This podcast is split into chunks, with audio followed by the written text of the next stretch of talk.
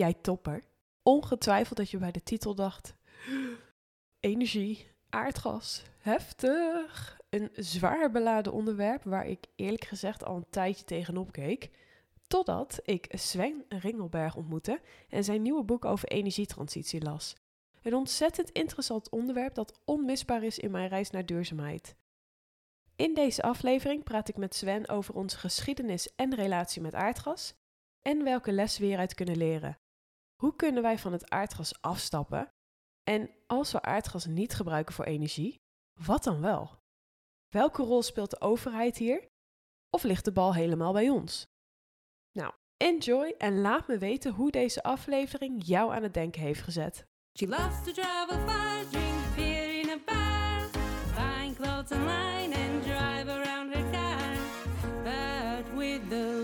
climate crisis, the melting Arctic ices, all the plastic in the sea, got her thinking about sustainability. Test, test is sustainability. Sven, je bent spreker. Je hebt acht jaar ervaring met het werken van innovatieve duurzame energieprojecten. En nu ben je ook nog een auteur. Kun je nagaan, ook nog eens een auteur. Ook nog, jeetje. Ik moet zeggen, dat was een eh, behoorlijk cv. Ik heb nog niet eens de helft opgenoemd met wat ik allemaal tegenkwam op je LinkedIn. Eh, maar wat ik zag, ik was wel onder de indruk. En ik heb natuurlijk ook je boek gelezen, waar ik heel veel zin heb om met jou over te praten in deze aflevering. Welkom bij de podcast. Hallo, welkom in het mooie Vlaardingen. Zo, inderdaad. Ik, ehm, ik duik er meteen met je in. Wanneer is voor jou het onderwerp duurzaamheid begonnen? Wanneer begon jouw hart ervoor te kloppen? Ik ben nu 32 en eh, mijn hart begon echt voor te kloppen. Het is bijna cliché met Al Gore Inconvenient Truth. Uh, mijn docent, toen ik eerst HBO deed, die liet die film zien. En we hadden het over de impact van energietransitie en wat dat allemaal voor je leven kan betekenen. En ook dat je, wat je dan zelf kan doen. Dat je ook een carrière in dit vak kon doen. En daarvoor had ik daar nooit bij stilgestaan. Ik had geen idee wat ik wilde doen na mijn HBO en daarna WO. En eigenlijk door die docent, door zijn enthousiaste verhaal van ja, het is wel een hele serieuze opgave, maar het is ook een hele gave opgave om wat mee te doen. Je, kan, je hebt invloed, je kan zelf wat gaan doen. En dat heeft bij mij echt het zaadje geplant om eigenlijk al mijn stages en mijn werk daarna in de duurzaamheidswereld te gaan doen. En wat is het? Want een verandering maken, dat kan natuurlijk op, op heel veel vlakken. Hebt natuurlijk start-ups uh, op elk soort gebied. Waarom is het dat je specifiek binnen de duurzaamheid, binnen de energietransitie wilde zitten? Eigenlijk is dat stap voor stap gegroeid. Ik ben uh, begonnen op het HBO, ging het over een onderzoek. Hoe kun je oude uh, vliegtuigen hergebruiken? Ik was heel erg met die innovatie bezig. Het was helemaal heel nieuw. En ik ben uiteindelijk in uh, de energietransitie gerold in de, van de woningvoorraad echt omdat ik het fascinerend vind, hoe werkt dat dan bij mensen thuis? Hoe krijg je al die miljoenen Nederlanders zo gek wat te gaan doen aan hun woning en thuis? Want dat raakt mensen natuurlijk het, diepste, als het bij jou thuis ook echt gebeurt.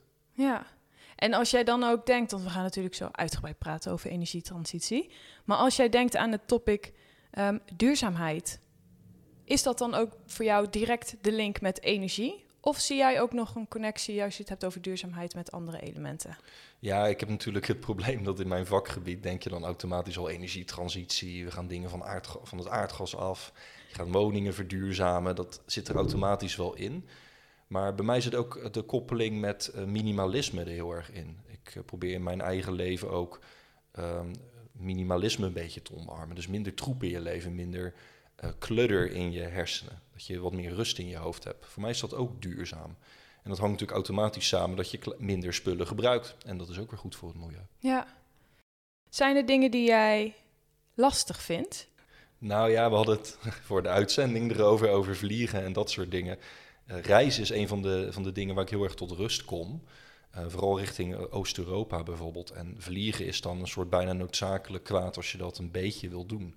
Dus dat is iets waar ik nog niet helemaal afscheid van heb kunnen nemen. Uh, de vliegschaamte begint al langzaam wel nog een plekje bij mij te krijgen. Ja. Dus dat speelt bij mij wel echt. Ja, ja heftig. Heb je wel eens uh, nagedacht om met de trein naar uh, Roemenië, was het toch? Ja, mijn vriendin die komt uit Roemenië inderdaad. Ik, ik heb er wel eens over gedacht. Ehm, maar het alternatief is nu de auto waarschijnlijk deze zomer. Dus we zijn al een stapje aan het maken. Ik weet niet of dat beter is dan de trein. Ik denk het niet. Maar het is een Het compromis. zit, eh, het zit erin. Ja, ik, eh, nou ja, we hadden het er inderdaad over. Ik vind dat zelf ook ontzettend lastig. Die vliegschaamte is wel echt een dingetje. En waar we het ook over hebben gehad, is over je nieuwe boek. Ik heb hem hier naast me zitten. Ehm, allereerst, gefeliciteerd. Het is, de, het is je eerste boek ook echt, hè? Ja, nu ben ik dus officieel een auteur. Dat is echt ook- een auteur. Dat is heel gek. De ene dag ben je het niet, de andere dag ben je het wel. Dat eh, is wel bijzonder. Dat, eh, je schrijft twee, drie jaar aan iets en in één keer is het er. Dat is heel, veel, heel bijzonder, vind ik dat. Ja, hoe was het voor jou, het proces van een boek schrijven? Het begon eh, wel bijzonder. Je, moet, eh, je doet het dag voor dag. Dat is ook de tip die ik gelijk mee wil geven. Eh, op het moment dat je denkt bij jezelf, ik ga een boek schrijven, dan gaat het dus nooit gebeuren. Ehm, het moet stap voor stap groeien, zoiets. En eh, je, je schrijft een boek bladzij voor bladzij, woord voor woord. En zo is er voor mij dat echt realiteit geworden. Dat ik mezelf vooral zei, joh, ik ga iedere dag gewoon schrijven. En dan zie ik al wat schipstrand. En dan Ja. was die barrière niet zo hoog meer. En het is een, ehm, een behoorlijke titel. Ja, de titel, Ik, ik kan hem ook niet uit mijn hoofd, dus ik ga hem ook gewoon voorlezen. De Nederlandse aardgastransitie, lessen voor de energietransitie van de 21ste eeuw. Ja, ik eh, had eigenlijk een marketeer in moeten huren om het misschien wat catchier te maken.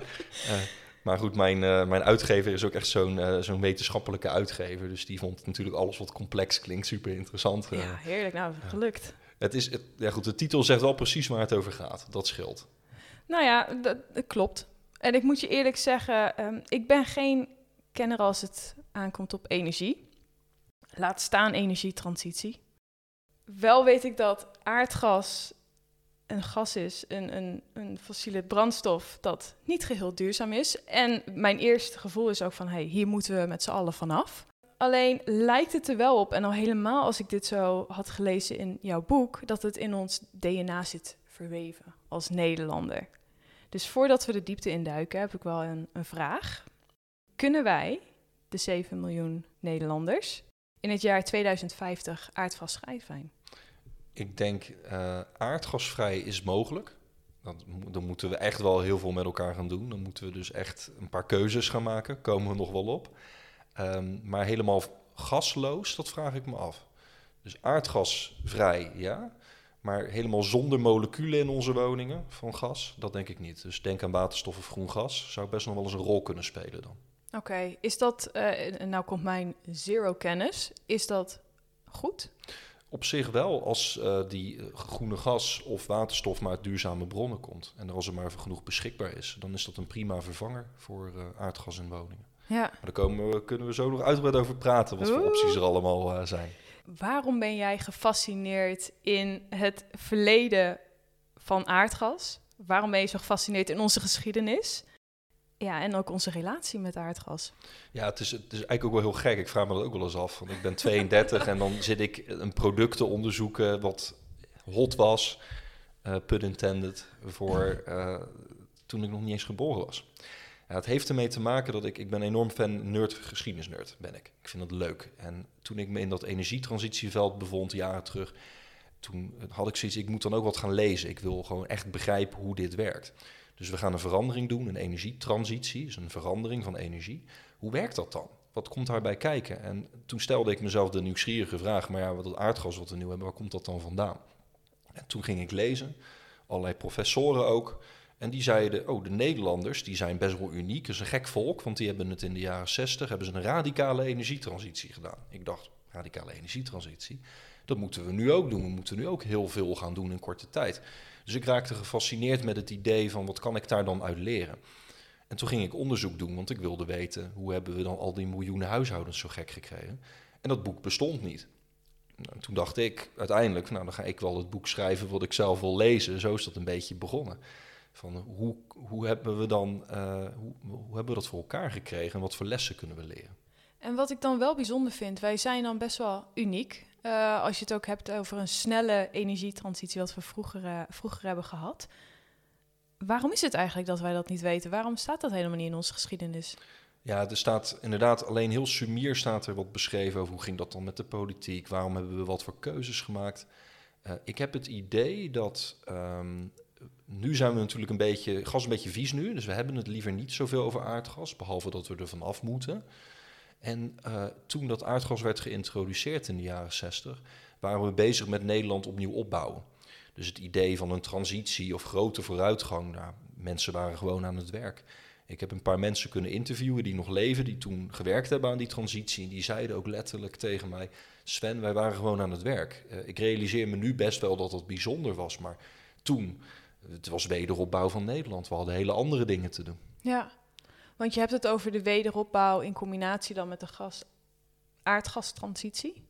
Wat is de, de verhouding daartussen? Waarom moeten we die verhouding ook weten? Nou, in Nederland, natuurlijk na de Tweede Wereldoorlog, hadden we een gigantisch woningtekort. Eigenlijk heel vergelijkbaar met de situatie nu. Uh, we hebben echt veel woningen tekort. En uh, daar lag de focus heel erg op. Op uh, wederopbouw, woningen toevoegen, kwaliteit van leven verhogen. En het, het, aardgas gaf een kans om mensen daadwerkelijk centrale verwarming te bieden. Dus mensen vroren niet meer half dood in hun slaapkamer of konden daadwerkelijk hun hobby uitoefenen in de andere kamers. Dus dat aardgas was een soort kans om kwaliteit toe te voegen aan het leven van mensen. Dus dat was een enorme stap in die, zo werd dat geframed in die wederopbouw. Het was modern. Je hoorde er helemaal bij als je naar het aardgas overging. Ja, en nog even om terug helemaal naar het begin waarom is het überhaupt belangrijk dat wij dit weten als we er juist zo graag vanaf willen nu? Precies, nou, het is belangrijk omdat nu nog het grootste gedeelte van onze hele infrastructuur, de manier hoe we verwarmen, gaat met aardgas. En die transitie laat ons ook vooral zien wat we nu heel graag willen weten is, hoe krijg je dat nou in 10, 30 jaar voor elkaar? Uh, om miljoenen mensen in beweging te krijgen en te zorgen dat je echt verandert. Nou, en deze transitie is een schoolvoorbeeld van hoe dat uh, zou kunnen. Dus uh, weliswaar is dat aardgas als goedje een beetje vies, maar de manier hoe mensen er toe mee omgingen, de methodiek, hoe pak je een transitie aan, daar kun je nog steeds van leren. En kan je daar ons in meenemen? Wat zijn daarin dan de grootste learnings voor nu? Nou, een van de grootste is uh, natuurlijk dat toen de, de overheid nam enorme, uh, enorme sprongen vooruit. Die maakte enorm veel keuzes om dat aardgas in te zetten in woningen. Die maakte echt duidelijke keuzes. Die maakte ook duidelijk wat het zou kosten. De randvoorwaarden waren duidelijk. En op een gegeven moment werd er ook doodleuk gezegd: het alternatief wat er daarvoor op aardgas was, stadsgas was dat. Nou, daar stoppen we gewoon mee. En ja, u heeft de keus: of u gaat naar het aardgas of u moet wat anders doen. De meeste mensen hadden geen idee wat ze dan anders moesten doen. Dus daar zat een beetje, het klinkt een beetje, het is niet populair, een beetje dwang achter ook. Uh, en ik denk dat een van de grote lessen is dat we um, dat de Rijksoverheid meer regie moet nemen. Dat we meer keuzes moeten maken met elkaar op het hoogste niveau in Nederland. En daar hoor ik ook meteen wel weer een grote uitdaging in. En wat ik ook teruglas in jouw boek, is dat op dit moment heeft iedereen een mening van. En je hebt natuurlijk ook binnen de politiek dat er best wel veel uh, people pleasen is. Um, heb je het idee dat met. Weet je, de overheid is niet hetzelfde als vele jaren geleden. Is dat überhaupt wel een realistische verwachting met hoe de politiek er nu bij staat. Nooit verwacht dat ik trouwens zo'n soort vraag zou stellen in mijn luchtige podcast. Ja. Maar ik ben, er wel erg, ik ben er wel heel erg benieuwd naar. Sorry luisteraar, ik hoop dat je dit allemaal nog kan volgen. ik doe heel erg mijn best. Um, voor een deel nee. Ik, ben daar, ik moet zeggen, ik vind wel de politiek nu, het is echt heel veel people pleasing. Het is heel erg, uh, oh, het gaat u allemaal niks kosten en uh, het mag ook niks kosten. En er mogen geen enkele windmolen, geen wiek mag in het zicht ja, dat is niet de manier om een grote verandering in te gaan. En eh, ik denk, ik denk zelf dat de overheid beter eerlijk kan zijn. Ik kan zeggen, joh, ja, dit wordt ingewikkeld, ja, dit kan geld kosten, maar we gaan dit wel met z'n allen doen. Dus mensen ook als een burger behandelen in plaats van een consument. Het gaat nu alleen maar over terugverdientijden. En uh, als je mensen als consumenten behandelt, gaan ze zich ook zo gedragen. Ja, het stemt mij hoopvol. Um, kunnen wij nu in deze dagen dan ook een korte energietransitie verwachten? Ja, alleen het ligt eraan wat we als kort zien. Ik denk dat 30 jaar al heel kort is voor onze transitie. Uh, in de jaren 60 had je unieke uitgangspunten. Het systeem was veel minder complex en groot dan we nu hebben. We hebben nu echt een veel groter en complexer systeem. Als wij dit in 30 jaar voor elkaar krijgen, dat is echt heel knap. Uh, en ik ben zelf ook wel hoopvol. Als ik zie, even een mooi voorbeeld. Tien jaar geleden, als je had gezegd... In 2021 wordt de elektrische auto gewoon de dominante auto... dan hadden mensen je uitgelachen.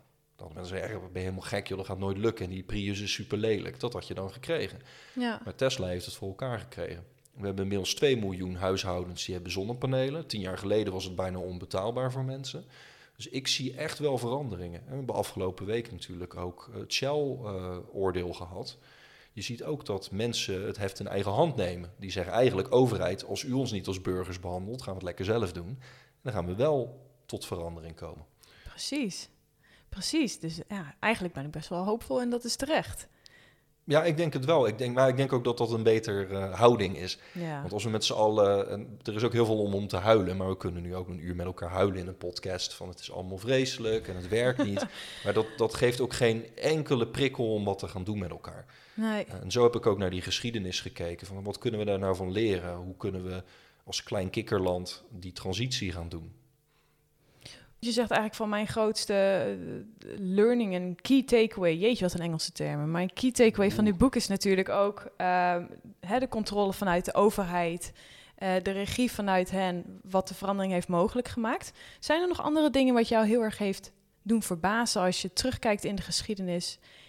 En ook daarmee denken van hoe dit helpt voor ons vooruitkijken. Ja, ja, wel. Eh, je, hebt het nu natuurlijk, als het gaat over, uh, denk eens, uh, u zit thuis nu te luisteren, zit thuis te luisteren. Je zit in je woning. dan moet je eens inbeelden, als die woning verduurzaamd moet worden, er komt heel veel bij kijken. Dat kost geld. En waar we het met elkaar heel veel over hebben, is van hoeveel geld dat mag kosten. Het frame van de transitie nu is echt business case, terugverdientijd. Allemaal van dat soort termen. En toen ik dat onderzoek ging doen in de jaren 60, toen kwam ik ook tot de conclusie, oh, het gaat ook heel veel over geld, over wat mag dat aardgas dan wel kosten. Er werd ook heel veel over gediscussieerd. Alleen als je dan gaat kijken wat motiveert mensen, dan kom je erachter dat dat hele andere dingen zijn. En daar werd ik wel heel hoopvol van. Want mensen waren meer bezig met bijvoorbeeld status. Bijvoorbeeld pasgehuwde mensen, mensen die net getrouwd waren, die kochten eerder een gashaard bijvoorbeeld. Comfort was heel belangrijk. En ook het idee van modernisering. Dus dat geloof in vooruitgang wat mensen met elkaar hadden. Ik denk dat we dat wat meer mogen omarmen. Ik denk als we wat meer als in de jaren 60 gaan denken, dat we het een stuk makkelijker voor elkaar krijgen. Dan dat we nu alles in spreadsheets moeten gaan stoppen. Maar is dat dan een, een to-do voor mij als consument of ligt dat bij iemand anders? Nou, het, het deels consument. Uh, want veel, wij maken als consument natuurlijk ook dagelijks keuzes die niks te maken hebben met geld. Uh, de afgelopen twaalf maanden in coronatijd, volgens mij heeft iedere buurman of buurvrouw gaan verbouwen. Iedereen is in zijn woning bezig geweest. Mensen ja. doen dat omdat ze prettig willen wonen. En uh, prettig wonen en comfortabel wonen, daar gaat die transitie ook over. Alleen het klinkt ingewikkeld als er energietransitie van het gas af. Het gaat eigenlijk bij mensen thuis gewoon om prettig, toekomstbestendig wonen. Zonder gezeur aan je hoofd. Zeg maar. Dat willen mensen graag. Nou ja, het is inderdaad wel een, een zwaar onderwerp. Ja. Zo, zo ervaar ik het ook. En vooral zonder enige kennis denk ik wel van... oké, okay, wauw, um, wat kan ik doen? En ik vond het heel erg interessant. En jouw boek is gelukkig wel laagdrempelig. Ook al is het een heftige titel. ik kwam er wel gewoon goed doorheen. Um, en ik vond het inderdaad ook heel interessant van... hey, hoe ging dat nou eigenlijk vroeger met de aardgastransitie? En hoe zit dat nou eigenlijk? En wat hebben wij daarvan... Uh, wat kunnen wij daarvan meenemen? En precies wat je aanduidde, vond ik ook een van de grootste takeaways. Dat is eigenlijk de regie vanuit de overheid um, versus wat de situatie nu is. Wel zit ik te denken van oké, met wat ik weet en wat, wat kan ik nou doen dan? Ja, wat kan je nu doen? Ja, Nou, dat is precies, uh, als ik een laatste puntje van kritiek mag geven aan de, de overheid en de politiek nu. um, we zijn begonnen eigenlijk, uh, dat gemeenten hebben nu de regie, met een mooi, zo'n ambtelijk woord, vreselijk woord, maar die zijn, die zijn nu aan het beginnen, de gemeenten. Die zorgen ervoor dat uh, bewoners ideeën moeten krijgen hoe ze met een woning moeten verduurzamen. Alleen je hebt een paar honderd gemeenten in Nederland, dus dat is een hele versnipperde aanpak. Het is heel onduidelijk nu voor mensen thuis wat nou een goede stap is. Wat kan ik nou doen zonder spijt te krijgen? Wat is Ja. een goede investering? Het zou enorm helpen als dat meer duidelijk is. Het gaat wel gebeuren. De komende jaren gaan er echt wel dingen veranderen waardoor het duidelijker wordt. En ik voorspel je, als je als consument thuis wil beginnen, gaat het veel meer over zorgen dat je minder energie verbruikt. Dat is eigenlijk stap 1. Heel cliché is dat. Ehm, maar dat is dus het goed isoleren van de woning. Zorgen dat eh, de woning een warme jas heeft, is gewoon wel punt 1. Ehm, en aardgasvrij, dus van het aardgas af, dat is wel een stap te ver voor de meeste huizen nu. Uh, en daar hebben we de afgelopen jaar heel veel over gehoord. We, hebben, we kregen met z'n allen het idee dat we morgen allemaal van het aardgas moeten. In de praktijk gaat het veel meer stap voor stap dadelijk. Want iedereen is erachter gekomen dat in één keer woningen van het aardgas halen een stukje ingewikkelder is dan men eh, van tevoren dacht. Ja, en jij vertelde me zelfs nog voor, nou ja, voor de opname dat je er zelf ook wel last van hebt gehad met je Ja. nieuwe woning. Ja, ja ik, ik- we zitten nu in een woning uit 2018 eh, en die woning is nog precies opgeleverd met aardgas. Nou, als je dan met de aannemer belt, eh, dan eh, krijg je te horen, ja, maar heel de buurt gaat naar aardgas, een cv-ketel. Als jij dan een warmtepomp wil, ja, dat kan eigenlijk niet. Alles zit al in contracten vast. Dus dat is ook wel gek. In Nederland krijgen we het voor elkaar om de duurste uitgave in je leven ooit. Daar heb je geen enkele invloed op wat je krijgt. Het is veel te ingewikkeld. En eh, dat zie je dus ook in die transitie nu terug. Het is typische voorbeelden. Mensen willen duidelijkheid hebben. Ja. En ik hoor je zeggen warmtepomp. E- een van mijn vragen is natuurlijk ook, oké, als we geen aardgas doen, wat dan wel? Ja, wat is er dan überhaupt? ja, wat, kunnen wat we is nou de verwachten? keuze? Ja, de, aardgas is voorlopig, dat is, het zo, dat is ook zo. We hebben het idee, we moeten er morgen vanaf. Aardgas gaan we de komende misschien wel tientallen jaren nog wel zien. Dat, eh, het aardgas is niet zomaar weg. Ehm, we gaan wel stoppen met het winnen van veel aardgas in Nederland. Dus in Groningen vooral, door de aardbevingen. Maar we winnen verder ook nog wel aardgas uit kleine veldjes in Nederland. En alles wat we niet in Nederland kunnen winnen, halen we uit Amerika, Rusland of Noorwegen bijvoorbeeld. Eh, alternatieven voor aardgas, dat is bijvoorbeeld een warmtepomp. Nou, een warmtepomp haalt energie uit de buitenlucht en die waardeert dat op, het klinkt ingewikkeld, met elektriciteit. En dat is een heel efficiënt systeem. Eh, en, maar daar moet je woning wel goed voor geïsoleerd zijn. Het gaan- er zijn vaak lagere temperaturen. Aardgas, dat maakt t- 90 graden in je cv-ketel. En dat zorgt ervoor dat je thuis lekker warm krijgt, dat de radiatoren heel warm worden. Ja, Een warmtepomp, dat gaat naar 40 graden of 50 graden. Dan kun je ook wel inbeelden van, oh, als mijn woning dan warm moet worden, moet hij wel een goede badjas aan. Want anders dan krijgt hij het niet warm. Andere alternatieven is, waar je veel over hoort, van hé, hey, dat gasnet. We hebben overal gasnetten liggen. Kunnen we dan dat aardgas er niet gewoon uithalen en dan doen we er waterstof in of groen gas? Nou goed, dat, dat kan. Eh, alleen waterstof en groen gas zijn nog niet zoveel beschikbaar. We hebben gewoon niet genoeg waterstof en groen gas. En waterstof, als je denkt, wat, wat is waterstof, waar heeft die jongen het over? Waterstof, dat maak je uit duurzame elektriciteit. En dat zet je dan door elektrolyse om in een molecuul, en dat heet waterstof. En dat kan je door buizen laten lopen. Eh, en dat kan, alleen ja, we hebben niet genoeg ruimte in Nederland om zoveel windmolens en zonnepanelen neer te leggen, om zoveel waterstof te produceren. Dus dat is dus een probleem. Dan wordt de vraag, moet je dat dan importeren? Dat maakt het weer ingewikkeld. ja. En, en de derde optie zijn warmtenetten. En dat is eh, bijvoorbeeld in Rotterdam. Heb je een grote afvalverbrandingscentrale, er wordt heel veel afval verbrand. En de hitte die daar vrijkomt, die wordt in, een grote buis gestopt. Er wordt heet water van gemaakt en die gaat dan naar woningen toe. Die woningen kunnen dan warm water krijgen. om maar dat klinkt, dat, dat klinkt nog best wel goed, toch? Ja, dat is ook. eh, nou ja, goed. Ik denk dat een aantal luisteraars warmte net een beetje spannend vinden. Want het is eh, vaak wel een eigendom van de grote bedrijven. Het is ook wel een wat ouderwetsere technologie in een aantal gevallen, eh, de netten. Maar dat kan, ja. Zeker in eh, hele dichtbevolkte gebieden, waar heel veel woningen op elkaar staan. Dan is het natuurlijk wel fijn dat niet iedereen een, een warmtepompunit buiten heeft hangen, die dan zogenaamd herrie maakt of niet. Ja. Dus als je dat dan kan oplossen met een warmtenet, zou best interessant zijn. Maar eigenlijk wat ik hoor is, ehm, er is nog niet één, één antwoord op eh, een alternatief van aardgas. Wat, wat ik dan denk, en ik had laatst ook dat boek van Bill Gates gelezen, How to Avoid a Climate Disaster. Ehm, we moeten innoveren. Er, er moeten meer, ja, meer alternatieven komen. We moeten daarin gaan investeren. Innovatie, innovatie. Maar nou kwam ik ook een artikel tegen waarin jij eigenlijk in blotletters zei... Oep, ik gooi mijn glas bijna om. Innovatie. ehm, nee, stop met innoveren.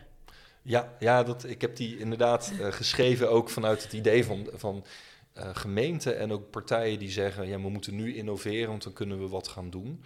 eh, om woningen van het gas te halen of te isoleren. Ja, dat klopt ook. Alleen we hebben met elkaar afgesproken dat we nog maar 30 jaar de tijd hebben. En die innovaties duren heel lang.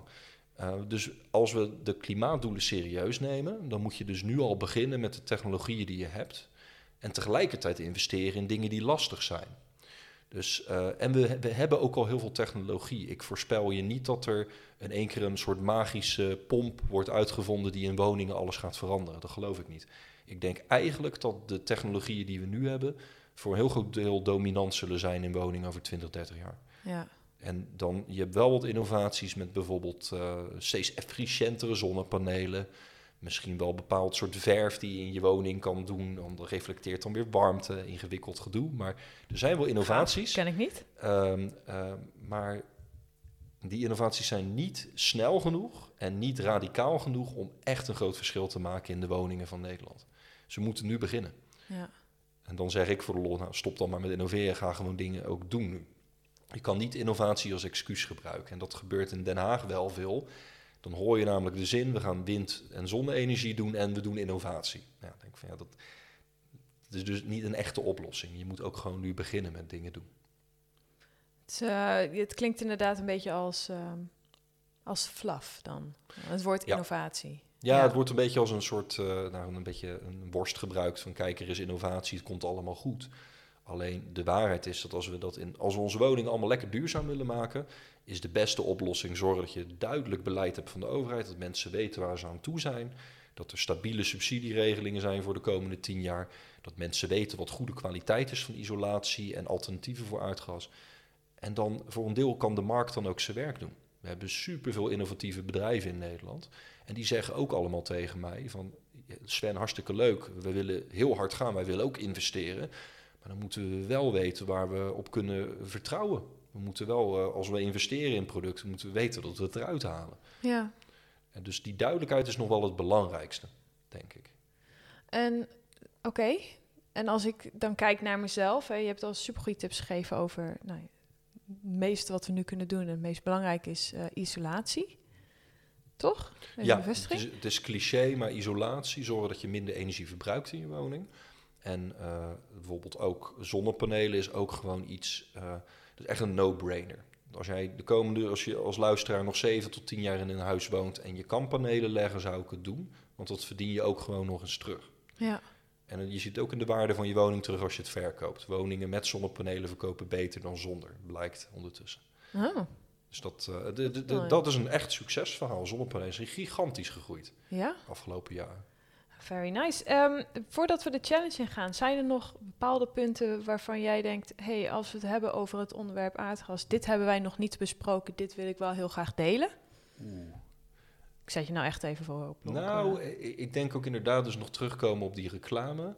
Ehm, we hebben het nu te veel over alleen maar de business case, mensen als consumenten behandelen. Ik denk dat we onszelf wat meer als burgers moeten zien. En wat voor voordelen heb je dan als burger bij zo'n energietransitie? Nou, het is comfortabel, het heeft met gezondheid te maken, het heeft met misschien wel je kinderen of kleinkinderen te maken. Ik denk dat we het daar meer over moeten hebben. En zat mensen zijn gemotiveerd om wat te doen. Kijk de afgelopen twaalf maanden maar weer in je buurt. Iedereen was aan het verbouwen. Eh, dus ik denk dat mensen daadwerkelijk wel heel gemotiveerd zijn. Ja. Alleen dat we mensen op de slimme manier moeten aanspreken. Ja, ik denk dat ook. Absoluut. En dat brengt me al meteen tot het einde van, eh, van de aflevering. De challenge. Want volgens mij heb jij wel wat moois bedacht voor mij. Ja, ik heb wel denk ik wel een hele leuke. Om het allemaal lekker ingewikkeld te maken voor je. Loving it, ja. Uit, welk jaar komt jouw woning? Wat voor woning woon jij nu? Ik woon in een relatieve nieuwe woning. eh 2008. 2008. Ja. Oké. Ik ben wel benieuwd, als jij nou eens de zoektocht zou moeten doen. Stel jij hoort dat je van het aardgas af moet met die woning. Wat ga je dan doen? Wat voor stappen kun je dan zetten? En ik maak hem bewust vaag, want dit is natuurlijk wat mensen thuis ook voelen. Die horen, lezen iets in de krant, die horen iets. En dan is hij mijn vraag, hoe ga jij dan van dat aardgas afkomen met jouw woning? Wat is daarvoor nodig, denk je? Oh, wat heftig. Oké, hoe, hoe kom ik aan deze informatie? Hoe kan ik dat uitzoeken? Kan, Nou, kan je me een paar tips geven? Ja, internet is your best friend wel. Eh, er is echt heel veel over ges- geschreven ook wel. Eh, je hebt bijvoorbeeld een aantal eh, overheidswebsites die goed zijn, moet je ze wel kunnen vinden. Bijvoorbeeld Milieu Centraal. Ehm, en die geven tips per soort woning en per bouwjaarwoning, wat je met je woning dan ongeveer kan doen. En Top. een tipje van de sluier, type woning wat jij hebt, die zijn vaak al goed genoeg geïsoleerd. Dus dan zit de grote kans toch wat meer in het opwekken van duurzame energie. En misschien toch eens kijken of je van het aardgas af kan. Nice. Oké, challenge accepted. Dat gaat helemaal goed komen. Sven, dankjewel. En ehm, ja, voor iedereen die ook het boek wil lezen, waar kunnen ze het vinden? Je kan het vinden op mijn website. Dat is eh, transitiepaden.nl. Daar schrijf ik ook en blog ik ook over de energietransitie. En ook op bol.com, als je het googelt, dan eh, weet je het ook, eh, kom je het ook wel tegen. Awesome. Dank je Sven. Graag gedaan. Test, test to sustainability. Woo! Boom, weer een aflevering van Test to Sustainability. Voel jij je ook zo geïnspireerd na deze aflevering en ben jij ook bezig je leven te verduurzamen? Laat het mij weten. Stuur mij een berichtje via Test to Sustainability, de website, of via Instagram at Test to Sustainability. Ik ben heel erg benieuwd naar jouw tips, tricks en ervaringen. Luister je deze podcast via Apple Podcast? Vergeet dan niet een review achter te laten. Make my day.